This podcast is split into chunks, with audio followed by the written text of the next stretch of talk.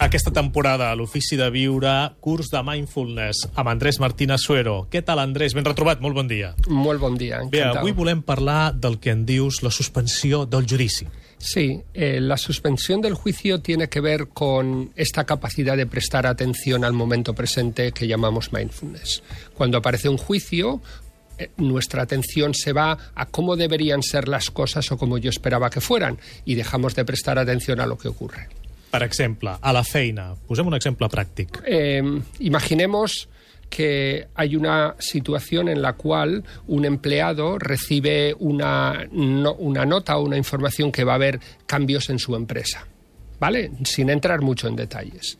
Ante esta situación, eh, pongamos que uno empieza a pensar, bueno, pues si hay cambios en la empresa, a lo mejor esto me va a afectar a mí, a mi puesto, a mi sueldo, empieza a darle vueltas a la cabeza. Aquest és el problema, perquè quan hi penses 5 minuts no passa res, però és que al cap de mitja hora o d'una hora ja estàs ben atabalat. Claro, y entonces eh, esto empieza a generar estrés, ese estrés afecta a la salud, a la atención que presta ese empleado a su trabajo y muchas veces eso hace que esta persona se enfrente a esa situación, podríamos decir, de cambio o de crisis peor.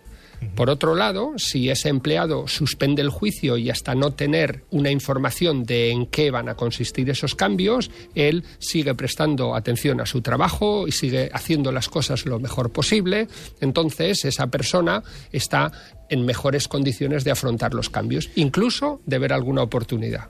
És curiós perquè el que ens està dient l'Andrés Martínez Suero eh, sembla anar una mica en contra del que de vegades han dit grans filòsofs de la història, en el sentit de dir pensa sempre el pitjor de qualsevol possibilitat perquè així et prepares ja pel pitjor i si arriba el pitjor doncs ja estàs preparat.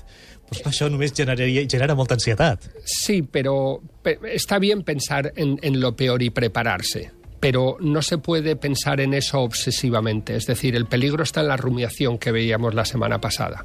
Eh, prepararse para lo peor, pero centrarse en lo que uno tiene que hacer momento a momento es lo más interesante desde el punto de vista de la salud y la eficacia personal. Quines preguntes ens podem fer per suspendre el judici?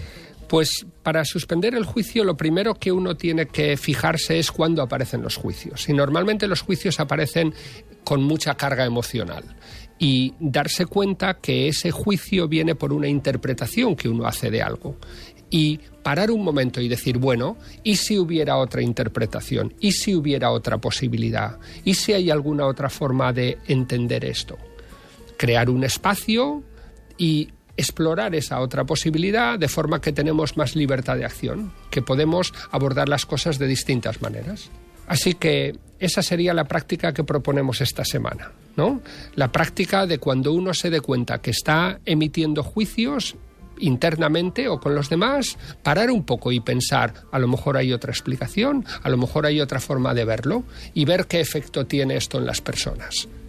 Eso es. que aquesta pràctica la poden trobar a Facebook, a l'Ofici de Viure trobaran un enllaç també amb, entre cometes, la teoria, no?, de la sessió d'avui sí. d'entrenament de Mindfulness amb Andrés Martínez Suero.